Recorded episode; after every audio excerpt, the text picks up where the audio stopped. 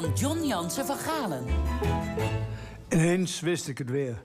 The Garden of Wishes. Zo heette het speeltuintje waar we pauzeerden op onze rondgang door Israël. De tuin der wensen.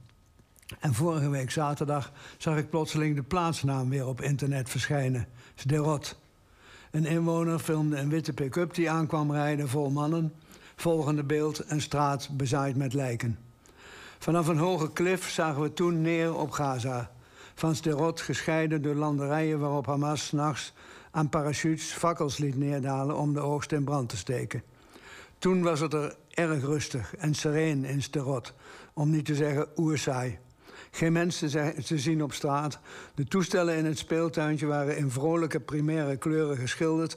Maar waarvoor dienden die rupsachtige, ook al zo vrolijk geverfde betonnen gebouwtjes? Schuiltunnels, zei onze gids. Als het luchtalarm loeide, hadden de kinderen 15 seconden de tijd om zich in veiligheid te brengen. Wij moesten zelf de proef maar eens op de som nemen. Het lukte maar net.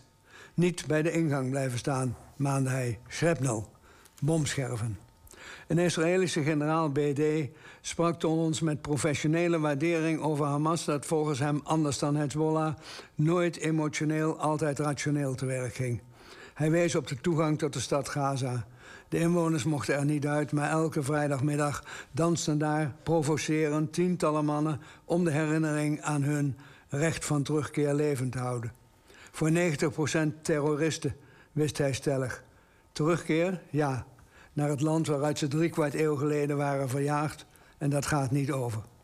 Ik was in Sderot op excursie op uitnodiging van Sidi, het Centrum voor Informatie en Documentatie over Israël. Een oud klasgenoot zag me daarom zo ongeveer als een NSB'er... want Sidi, Sidi had toen een rechtse anti-Palestijnse reputatie. Maar we spraken met oppositionele leden van de Knesset... met vertegenwoordigers van de PLO, van de Palestijnse autoriteit... van Hamas ook... En we bezochten een vluchtelingenkamp waar 15.000 Palestijnen al 75 jaar woonden. De jongste dus, een vluchteling van de vierde generatie. En we gingen naar een Joodse nederzetting, hoog boven de westelijke Jordaanoever, zwaar bewaakt door militaire automatische wapens en zandzakken. Dit was het land van Judea en Samaria, zeiden de bewoners herhaaldelijk. Ze hadden de mond vol van het land van Judea en Samaria alsof dat hen 25 eeuwen later het volste recht gaf hier te wonen, op gestolen land. Wat zocht ik in Israël? Opheldering, geloof ik. Ik wilde weten hoe het hier zo uitzichtloos had kunnen worden. Ik was acht toen Israël gesticht werd en de Arabieren van hun land verdreven werden. Op zondagschool plakten we met plakten vilten palmbomen op een flannelbord over het heilige land. Maar mijn hele leven lang was er gewapende strijd, terreur, angst en hoop die dan weer de bodem ingeslagen werd. En lukte het? Nee, het werd alleen maar nog onhelderder. Iedereen die we op onze rondreis spraken, bij de klaagmuur aan de Dode Zee, op de Golanhoogte, leek gelijk te hebben. Ieder op zijn eigen welsprekende, overtuigende manier.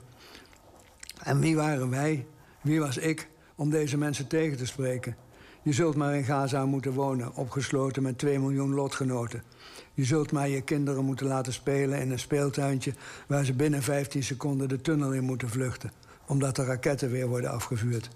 Garden of Wishes heette het, tuin van verlangens.